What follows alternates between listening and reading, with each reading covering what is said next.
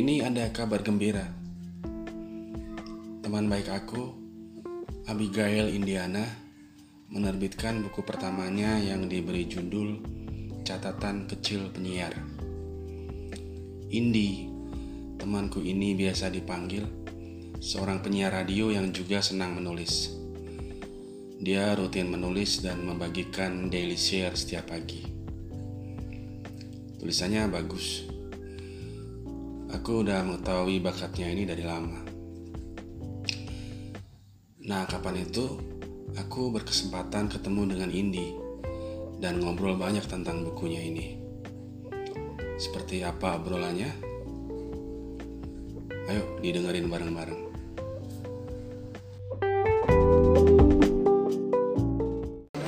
Jadi catatan kecil penyiar ini buku pertama Indi ya. Cerita dong, buku ini berisi tentang apa? Buku ini berisi tentang seperti judulnya kali kurang lebihnya ya. Ah. Catatan kecil penyiar. Ya, kayak gitulah. Karena kenapa saya tulis kecil? Karena sebenarnya catatan penyiar tuh banyak banget ya. Mungkin catatan penyiar eh, catatan penyiar yang dari narasumber atau catatan yang saya tulis sebagai penyiar bersama dengan narasumber. Hmm. Kayak gitu sih atau hal-hal yang pernah saya pelajarin. Jadi situ adalah hal yang bersifat teknik teknis ya. Kayak gitu. Itu termasuk catatan penyiar. Di Itu dalam sih. buku ini isinya Heeh. fik- fiksi Mm-mm. atau jurnal se- keseharian atau catatan teknis tadi atau non fiksi. non fiksi Nggak, berarti non-fiksi. pengalaman pribadi gitu Pengalaman pribadi. selama menjadi penyiar Iya. heeh. Nggak ngerti. Sekali lagi um, misalnya keseharian kalau misalnya dari pagi di studio sampai sore itu atau menceritakan keseharian itu atau gimana kalau keseharian mungkin enggak karena apa ya bakalan banyak banget Uh-uh. makanya saya saya batasin kecil itu jadi orang kan bingung parameternya kecil kayak gimana ya Uh-uh. kecilnya itu lebih ke teknis tadi ya kecilnya itu nanti tanya aja sama penyiarnya sama yang nulis. Kecilnya seberapa ya? Itu kecil ada batasannya gitu kan. Jadi Hmm. karena memang mestinya banyak kalau tadi bilang mau daily dari pagi sampai kayak Mm-mm. 5 to 6 Mm-mm, atau 5 to berapa kan kayak pagi sampai malam lagi kan. Saya nggak pernah tuh yang siarannya kayak gitu kan. Maksimal kan 1 sampai dengan 7 1 sampai dengan 7 jam maksimal 5 jam ya kali ya. Dengan durasi, durasi talk eh, yang kayak gitulah. Kayak gitu. Terus kalau kecilnya ya teknis itu hal yang pernah saya bagikan hal yang pernah saya dapetin kalau di buku itu seperti itu jadi lebih menyorot ke masalah teknis ya ke penyiaran teknis ke penyiaran bisa. Terus gimana kita mengenal mengenal apa namanya? mengenal pendengar. Nah, mengenal karakter pendengar eh, karakter pendengar atau kita ngenalin diri sendiri. Saya tuh jenis penyiar yang kayak gimana sih? Terus apa yang saya lakukan ketika jadi seorang host tunggal misalnya begitu kan? Mm-mm. Ketika tidak jadi host host dalam sebuah acara talk show. Nah, itu itu hal yang berbeda. Karena di situ kan dijelasin ada berapa sih? Harus jadi adaptif penyiar itu adalah seorang yang apa yang netral punya penilaian sendiri. Jadi nggak terus penyiar itu nggak itu menurut saya sih ya nggak bisa harus jadi kayak yang eh jadi apa namanya pusat perhatian Mm. saya catat di situ seperti itu sih jangan mencoba untuk menjadi orang yang jadi pusat perhatian karena di situ kan saya jadi apa namanya harus mendeliver pesan dari pe, pembicara atau Narasumber. narasumber lah istilahnya begitu kan karena ya harus belajar sih bahwa nggak boleh lupa meskipun rata-rata ya katanya nih. Ceritanya begitu. Saya pernah dengar kalau penyiar itu dulu waktu saya kecil penyiar itu adalah sosok yang dipikir banyak orang adalah orang yang tahu segala-galanya. Salah nggak? Sebenarnya nggak salah juga sih karena mereka kan kayak yang tahu tahu semua hal di awal. Pertama kali tahu gitu kan kalau radio itu dulu kayak jadi andalan begitu ya nggak sih? Citra penyiar seperti itu ya? Iya Di- zaman ini nggak sih jangan-jangan nggak Padahal kita nggak pernah tahu yang di kabin siaran itu mereka melakukan apa misalnya Iya, baca benar, atau benar, benar. Tapi kan kita ngertinya, iya nih, kayaknya eh, pertama kali yang bisa me- me- apa namanya pertama kali yang berikan informasi, Informasi. update Mm-mm. yang paling terkini Mm-mm. itu adalah penyiar penyiar karena mereka kan eh, apa sih kalau saya bilang kita tuh kan pengabdi hot clock Mm-mm. jadi durasi itu harus tepat kayak gitu kan jadi kalau kita bicara tentang apa sih namanya media cetak Hmm. Penyiar kan juga media ya radio juga media Hmm. media cetak itu kan yang namanya kejar deadline sampai macam-macam tapi kan butuh waktu untuk lihat dulu lagi Hmm. kalau siaran itu apa pun mungkin sedikit-sedikit salah nggak apa-apa kalau itu aktual Aktual ya? Iya, Mm-mm. harus aktual. Tapi nggak tahu sekarang ini sudah bergeser apa belum. Menurut saya sedikit bergeser, mungkin. Semoga salah sih. Mm-mm. Tapi intinya kalau di siaran itu di di buku itu saya catatnya begitu sih. Eh, penyiar itu sebagai penyiar harus seperti apa? Tapi menurut saya sekali lagi personal ya. Nggak tahu kalau teman-teman penyiar kan banyak tuh yang he- hebat-hebat MC pe- apa namanya? Lalu artis-artis kan juga banyak. Yang awalnya jadi penyiar, ya? Yes. Mm-mm. Dan kalau ditanya mereka mesti selalu seneng banget di ruang siaran kayak dapat energi baru. Bahkan mereka mungkin nggak apa-apa nggak dibayar penyiar itu Loh, keren wadah- katanya wadah begitu. ekspresi. Iya betul. Karena mereka udah ngerasain bahwa kalau siaran itu asik kita tuh berbagi nggak cuman dulu kan begini em, penyiar itu adalah orang yang jadi sahabatnya satu orang.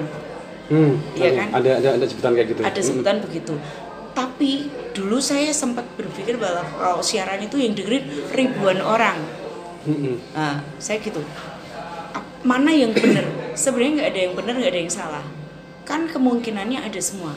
Mm-mm. tapi sebagai seorang penyiar memang kita kayak ngomong one on one gitu Seperti ngomong pribadi ya, Iya, private gitu ya. kayak ngomong sama satu orang kan Mm. misalnya lu ya yang lagi masak, yang lagi apa, jadi orang dengerin, "Ih, dia lagi ngomong sama aku loh. Jadi gitu. penyiarnya memperlakukan seperti seolah dia ngomong sama satu orang. Iya. Yang pendengarnya pun seolah dia merasa penyiarnya itu ngomong ke dia. yes, Kayak gitu. kurang lebihnya begitu. Enaknya gitu. Jadi ke- kalau saya sendiri sebagai penyiar juga mungkin ada penyiar yang harus jadi host, jadi MC begitu kan. Gak bisa ngomong kalau nggak ada audiens. Nah, Gak ada ngomong, gak bisa nggak ngomong bisa kalau nggak ada ngomong kalau audiens. nggak ada Hmm. audiens. Ada orang yang begitu ngomong apaan ya? Kalau saya udah terbiasa, seneng banget. Mungkin Karena udah terbiasa di kabin siaran itu ya, ngomong sendiri. Satu itu, eh, basicnya juga agak-agak introvert mungkin ya. Suka ngomong sendiri. Bisa jadi. Suka berdialog dengan diri sendiri juga. Lalu juga seneng nulis. Jadi sendiri pun kayak ada temennya karena kan banyak yang pengen ditulis misalnya begitu. Jadi udah biasa. Tapi ada orang nggak bisa talk to empty chair gitu kan. Mm. Ngomong sama bangku kosong nggak bisa. Kalau saya bisa. Kadang saya berdiri. Kalau yang siaran kan ada beberapa teman cuman duduk ngapain kalau saya nggak siaran ya bisa berdiri ngobrol sama nyanyi-nyanyi apa kayak gitulah itu seneng sih kalau teman-teman lain mungkin berbeda makanya saya bilang catatan penyiar ya, catatan kecil penyiar ya diri saya begitu karena saya bisa membangun habit saya yang kayaknya tuh keluar dari kebiasaan gitu. Hmm. itu apalagi mm, ya kur- kurang lebihnya begitu Semua itu ada di buku catatan kecil penyiar ini, Mbak. Mm-mm. Se- eh, proses penyusunan materinya sendiri berapa lama? Dari ini terbit eh, bulan apa? September September tahun ini ya, tahun 2020 ya. ini, yes Eh, pengumpulan pengumpulan materinya sendiri sejak kapan ya? pengumpulan materi kalau ngomongin tuh sebenarnya malu sih malunya gini em, dari pandemi itu sempat mikir pengen bikin buku berhayal ya Awalnya iya sebenarnya kalau karena banyak waktu kosong ya Iya, semasa betul. itu. di situ kan saya sebut ada berapa kan menjemput mimpi kecil Hmm, Sebenarnya agak-agak uh, Hmm. bukan saya bukan bermaksud agak-agak absurd enggak sih. Boleh jadi kalau membaca mereka boleh apa menerjemahkan Menginterpretasikannya iya, macam-macam. interpretasinya macam-macam. Mimpi kecilnya apa sih? Mm-mm. Oh, mimpi kecilnya jadi penyiar. Mm-mm. Boleh. Oh, mimpi kecilnya sebenarnya nulis itu. That's the point sebenarnya. Hmm. Saya kepengen nulis juga. Lalu mimpi ke- kecilnya apa sih? Saya tuh mungkin agak susah beradaptasi gitu kan dengan perubahan Mm-mm. maksudnya. Saya ya begini. saya gini gitu kan misalnya begitu salah nggak sih nggak tapi saya senangnya kalau jadi penyiar itu ternyata saya bisa mempelajari sesuatu tanpa saya harus mencari misalnya begitu Mm-mm. kayak ya kalau saya saya di sana jelasin sih saya itu kan orang yang cukup yang agak-agak auditori Mm-mm. belajar itu waktu kecil waktu sekolah dulu kalau belajar itu baca lalu didengerin direkam. Mm-mm.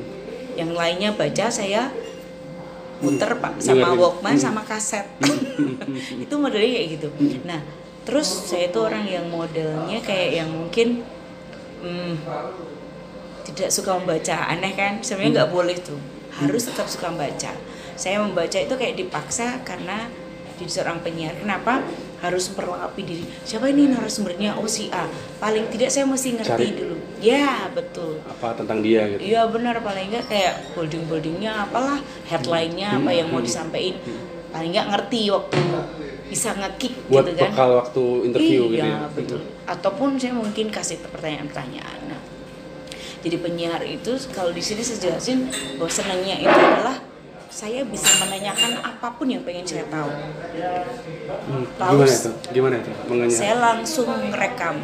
Eh, of course sehubungan dengan yang materinya ya. Misalnya apa saya kasih contoh tentang lingkungan. Nah misalnya begitu. Hmm. dulu kan saya nggak terlalu aware sama lingkungan. Mm-mm. ya aware sih biasa banget. Biasa nggak terlalu yang kayak gimana. Misalnya dulu tuh nggak punya habit ke mana-mana bawa botol minum misalnya. Ke mana-mana bawa folding bag buat belanja gitu. Kan kalian kayak freak banget. Tapi sekarang berubah dengan sendirinya misalnya nah saya tanya kok bisa kayak gitu? Gimana? Nggak nggak nggak. Pokoknya banyak hal. Terus saya bisa tanya hal-hal yang dulunya saya nggak tahu ini kata apa sih? Sebenarnya saya juga nggak ngerti. Saya hanya bisa menyebutkan tapi nggak ngerti detailnya. Nah saya bisa tanyain. Misalnya narasumbernya ada tiga orang saya bisa tanya ke tiga kepala dengan bahasanya mereka masing-masing itu yang seneng sih. Yang tiba-tiba oh, mereka jelasin terus bisa saya rekam. Rekam kepikiran saya. Nanti bisa saya recall ketika ngomong sendiri. Misalnya begitu. Keuntungannya begitu. Jadi saya kayak yang pinter padahal saya suka cuman suka nanya aja sih. Pinternya juga enggak. Karena memang kalau saya penyiar itu harus punya kemampuan apa? Bisa ngomong yang banyak. Lalu juga kemampuan em, musik.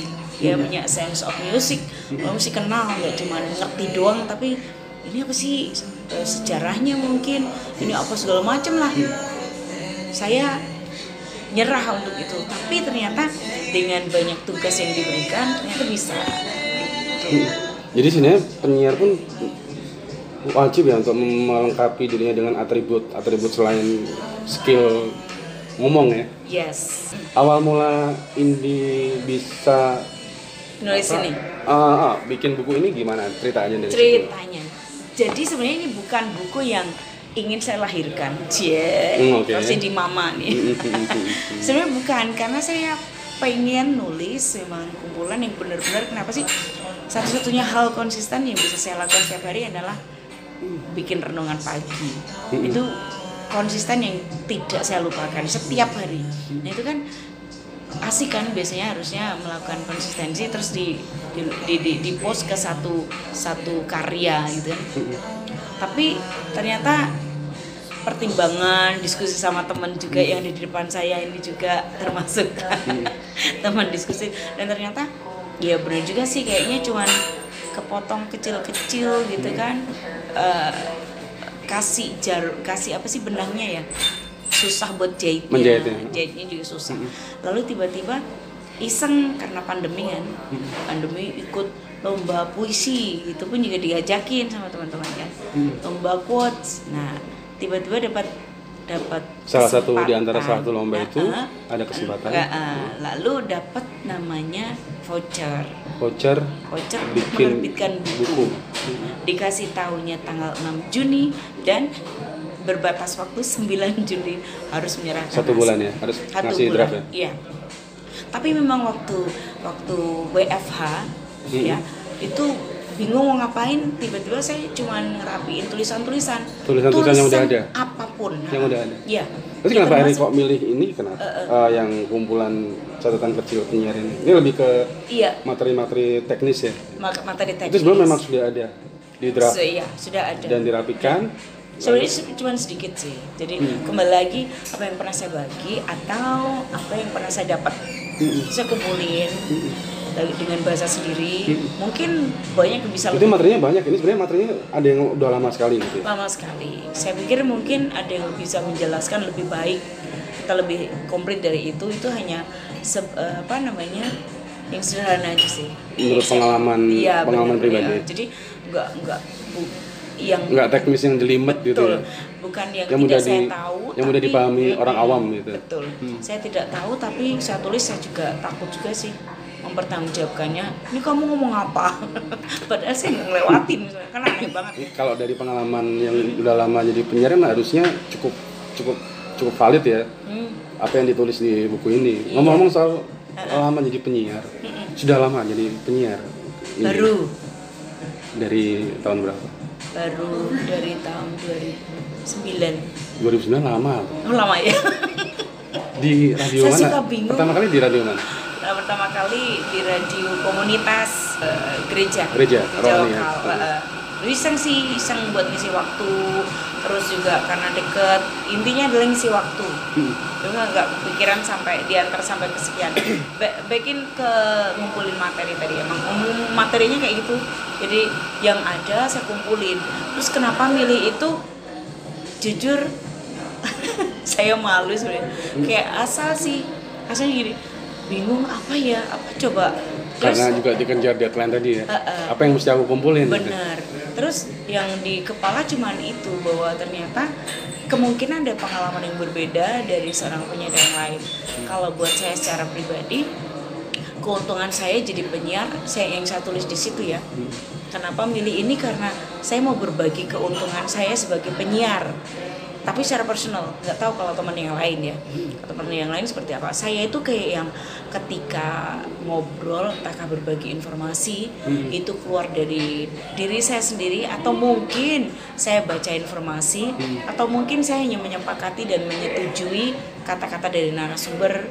Itu tuh kayak yang dari hati nurani dari yang dalam tuh dituntut eh kamu mesti lakuin loh dituntut dituntut dikejar terus saya saya harus ngelakuin.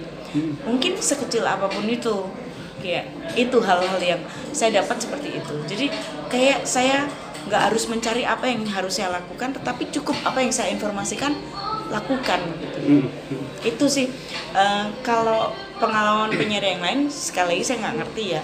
Kalau bener-bener yang saya dapetin jadi penyiar itu. Saya tuh kayak yang menca eh, nggak usah nyari kayak kayak kayak nemu titah-titah aja sih. Jadi on the way nemu ini oh iya ya dia ngomong kayak gini terus saya setuju kan? Mm-mm. otomatis eh, ya as a host kan kita mesti kasih bolding kasih apa eh, garis bawah ya kan? Lalu kita menyepakati kemudian berbagi sama pendengar bla bla bla terus saya nggak ngelakuin tuh kayak aneh aja gitu loh. Nggak tahu kalau yang lain sekali lagi.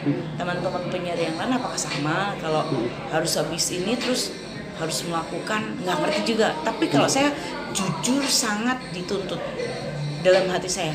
Eh ya saya kayak kita ngomongin botol itu tadi paling kena itu yang lingkungan itu. Kalau saya ngomongin hidup sehat malu sih sebenarnya ya. Karena ya sudah belajar sih hidup sehat kayak gluten free dulu kan nggak ngerti tuh apaan gluten gitu kan. Tapi karena dengar nah tahu. Lalu BTP bahan tambangan pan- pangan apa sih? Nah karena ngobrol jadi tahu oh ini pengembang pemanis pelembut bla bla bla. Pengawet. ya pengawet. Sampai dengan mengenal apa yang namanya butter. Misalnya ini bercanda aja sih. Butter itu ada yang kayaknya butter baunya kayak butter rasanya kayak butter tapi bukan butter gitu kemudian saya bisa ini bisa banget ya ini aplikatif dalam kehidupan kita sehari-hari juga. Kita tuh jadi kayak orang yang kayaknya bener ya kan? Suaranya bener ngomongnya kayak bener tapi sebenarnya dia nggak bener sih. Itu sih cukup seperti itu. Jadi kita mungkin eh, apa pun dalam kehidupan intelektual kehidupan rohani apa pun jadi kayak yang bener juga ya. Oh ternyata ada kayak gini ya. Padahal kan pikiran-pikiran kayak itu sempat terlintas hal seperti itu. Tapi ternyata ini ada di produk. Oh kok bisa sih? Butter tapi bukan butter. Rasanya kayak butter baunya kayak butter dilihatnya kayak butter Oke, jadi ngerti. Oh, that's life. Kan. Itu hidup tuh ternyata seperti itu. Kalau kalau saya sih eh, agak-agak serius ya, bisa bercandaan ya. itu sih sebenarnya saya bisa dapetin. Ternyata oh kayak hidup tuh begitu. Ada orang yang em, mengkamuflase. Tapi saya dapetin dari pengalaman penyiar. Saya nggak akan jauh ke sana. Jadi kalau kehidupan penyiar saya dituntut kamu ngomong apa coba? Ngomongin jagain lingkungan. Udah belum? Nah mungkin tidak yang wah harus bikin mini forest di rumah nggak juga sih. Saya nggak ngelakuin itu. Mini zoo di rumah juga nggak. Tapi paling nggak saya ngerti harus, Iya. harus jaga lingkungan jaga kebersihan. Itu kayak diingat. Segi hidup sekarang maksudnya paham ya. Ya terus sempat eh, takut dianggap freak. Misalnya zaman dulu kan kayak kita mesti puasa kantong plastik belum. Tapi kita di radio tuh mencanangkan terus.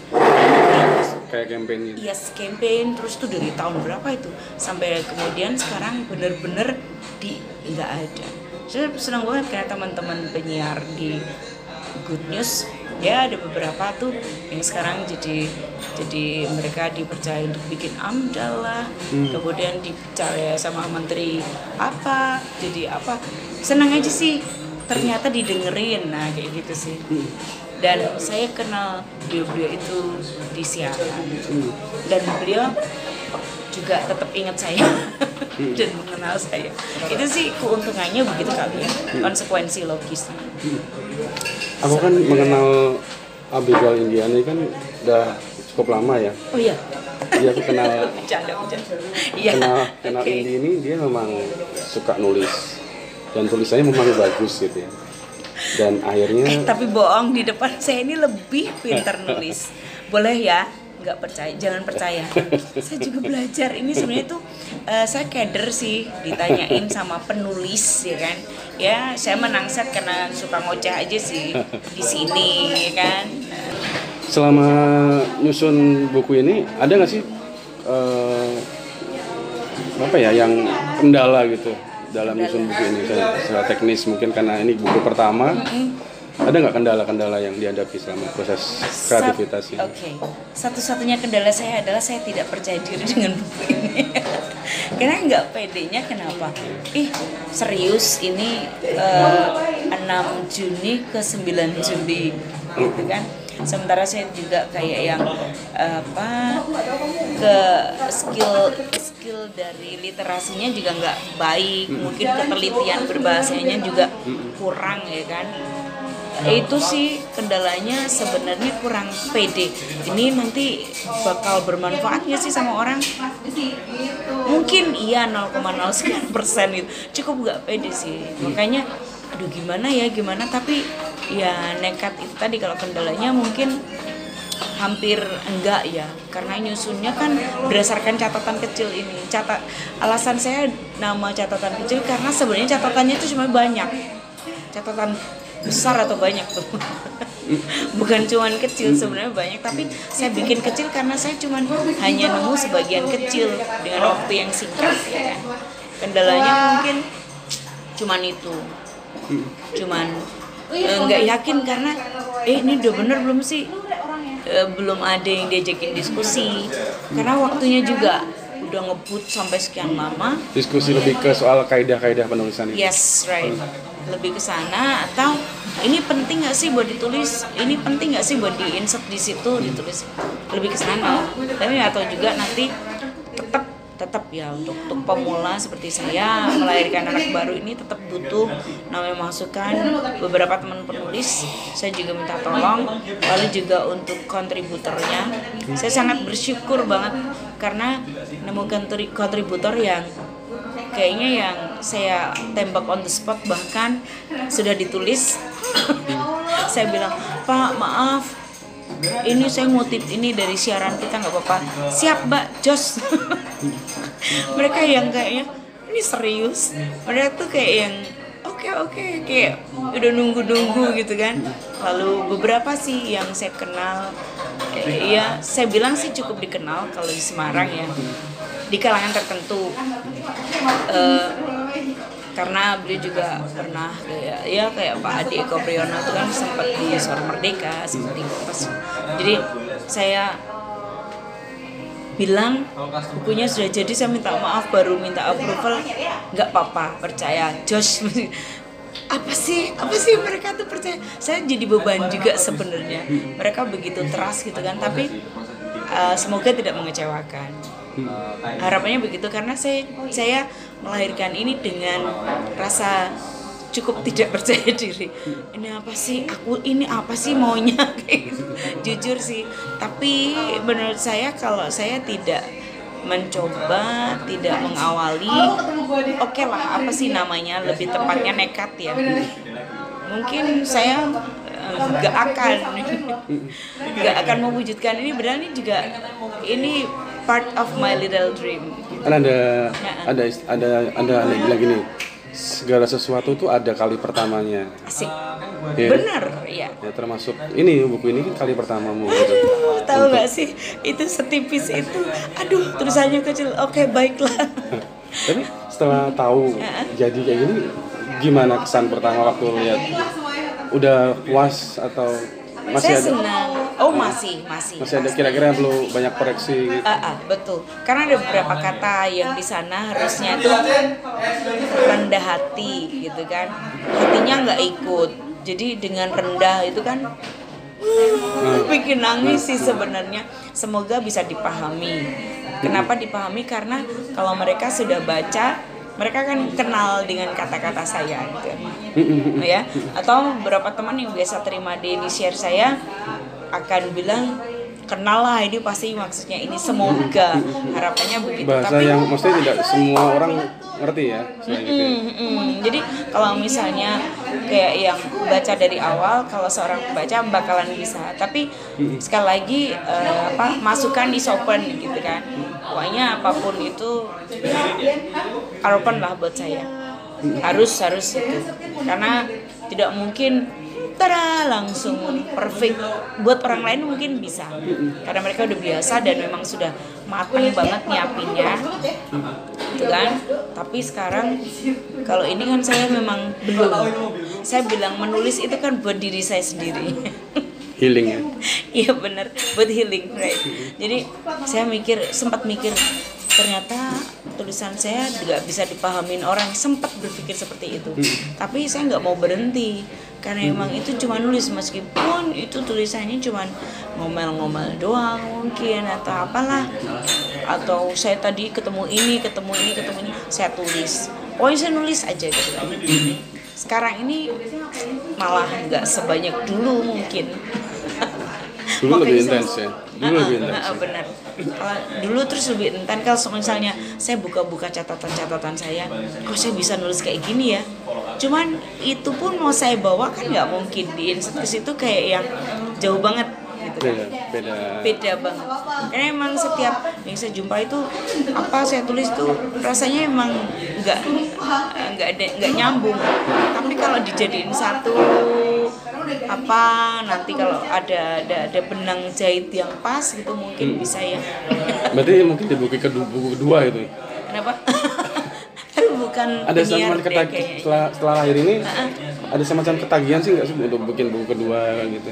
Iya iya. Di ya? kepala banyak, cuman ya itu mungkin ya banyak alasannya. Terus kerjaan juga. Masih jadi kuli saya mah.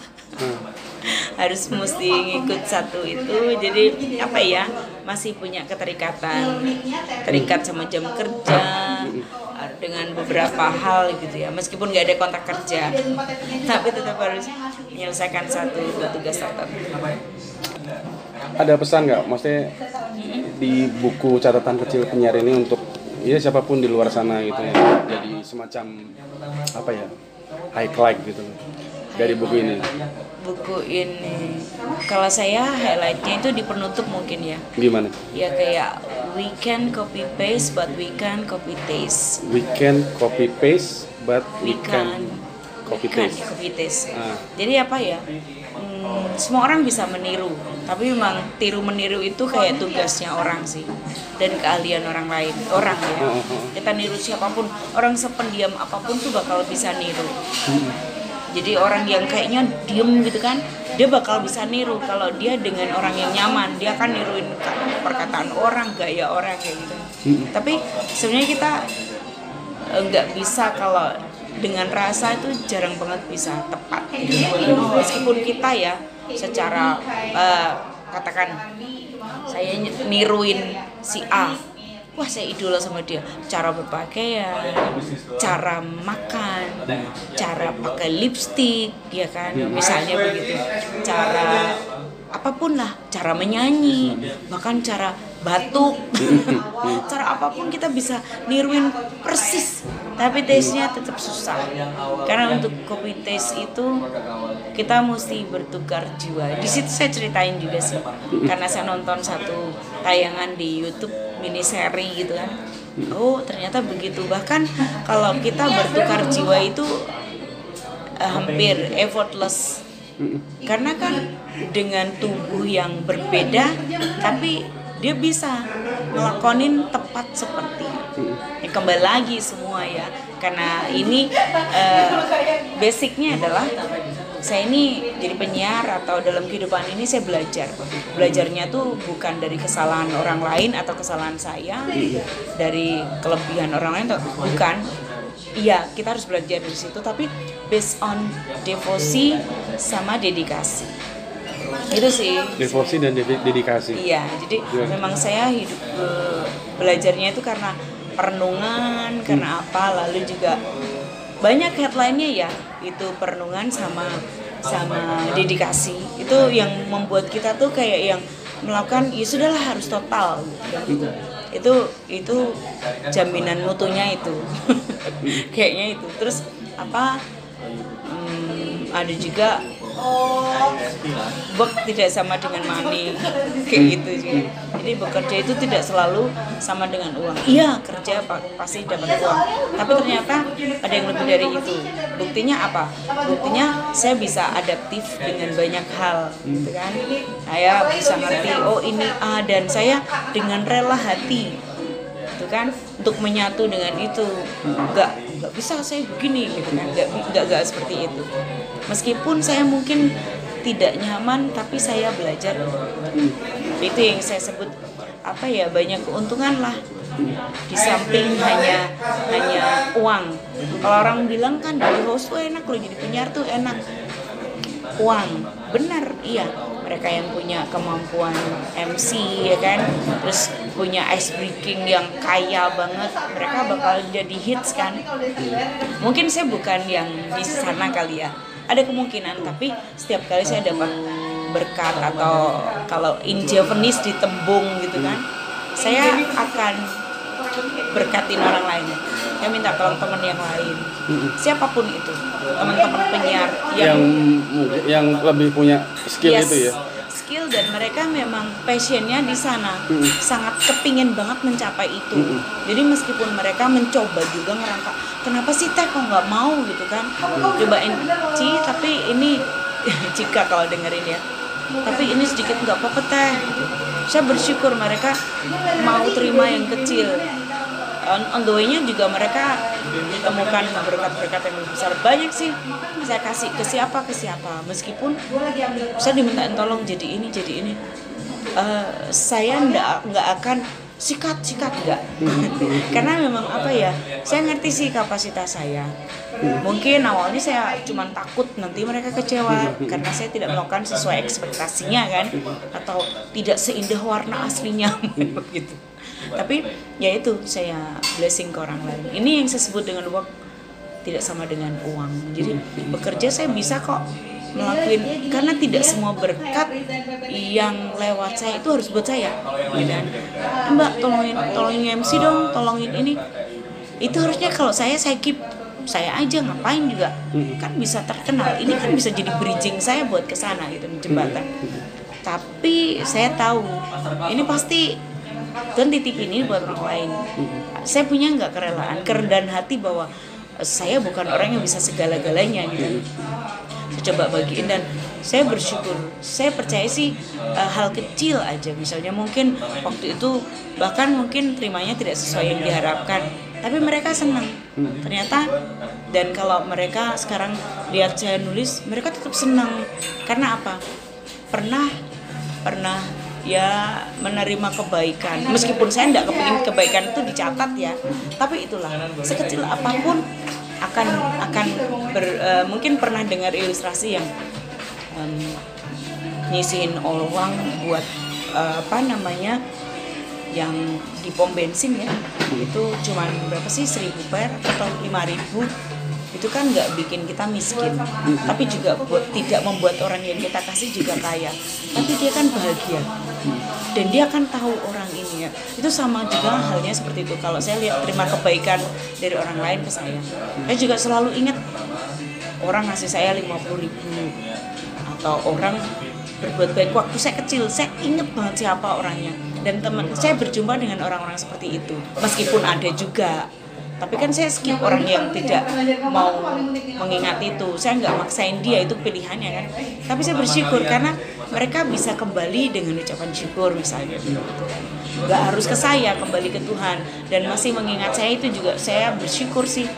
Hal saya pikir eh, harapan saya itu hal yang bisa saya wariskan. Artinya mereka juga juga bisa mencontoh bahwa tidak semua berkat itu harus berdiri kita. Itu mungkin ya yang saya terima begitu. Jadi em, sempat berpikir kenapa nggak dicoba? Atau banyak teman kenapa nggak dicoba? Kenapa sih teh? Ya yang terima job pun juga berkata begitu. Ya nanti kalau saya bilang saya doa dulu aduh rohani banget sih. Nggak saya nggak melakukan itu sih. Saya pikir kalau saya ngerti dulu ngerti, harus tahu dulu ini apa sih randonnya kemudian tujuan dari acara itu apa. Kalau dia bisa jelasin dengan tepat saya akan mau ya tapi kalau oh ini begini cuman gini gini gini. Nah saya akan kasih ke orang lain. Kalau butuh ice breaking banyak saya akan bagikan ke orang. Tapi kalau orangnya ngotot minta saya bilang enggak kok acaranya gini gini. Pas banget. Kan ngotot artinya. Ya sudah saya bantu. Artinya di- dengan ngotot itu nggak boleh kecewa kalau nantinya saya tidak seperti yang diharapkan. Tapi kalau nya ngotot ini cuma begini pokoknya gampang. Ya saya akan lakukan. Itu sih beberapa ada yang begitu juga nggak mau di di replace gitu digantiin orang lain gitu nggak bisa oke baiklah saya lakukan Maruk ya, Hmm? Maruk. tapi kalau enggak ya sudah Ada dia nggak nggak sadar kapasitasnya. gitu. Hmm, ada beberapa tapi ya sekali lagi kalau saya lebih ke bagaimana caranya saya harus beri yang terbaik gitu loh oh ini kapasitas saya kalau ngerti kapasitasnya kan enak apakah harus seperti itu? Kalau buat saya harus gitu kan?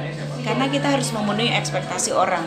Tidak kepingin menyenangkan tapi mereka kan melakukan seperti itu. Paling tidak kita nggak boleh meleset dong. Meleset dikit boleh lah tapi kalau jauh kan ini apaan sih? gitu kan?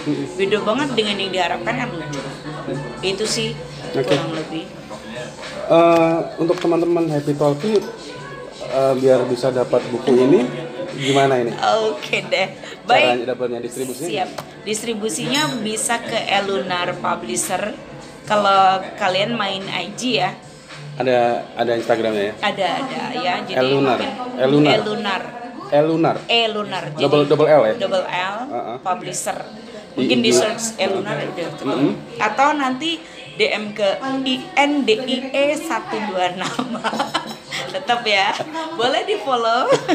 Instagramnya Iya. Abigail Indiana ya? ya, nanti Di add at INDIE 126 Oke. boleh DM di situ nanti bakal saya informasikan ke mana untuk yang pengiriman pertama hmm, tinggal beberapa kali ya mungkin.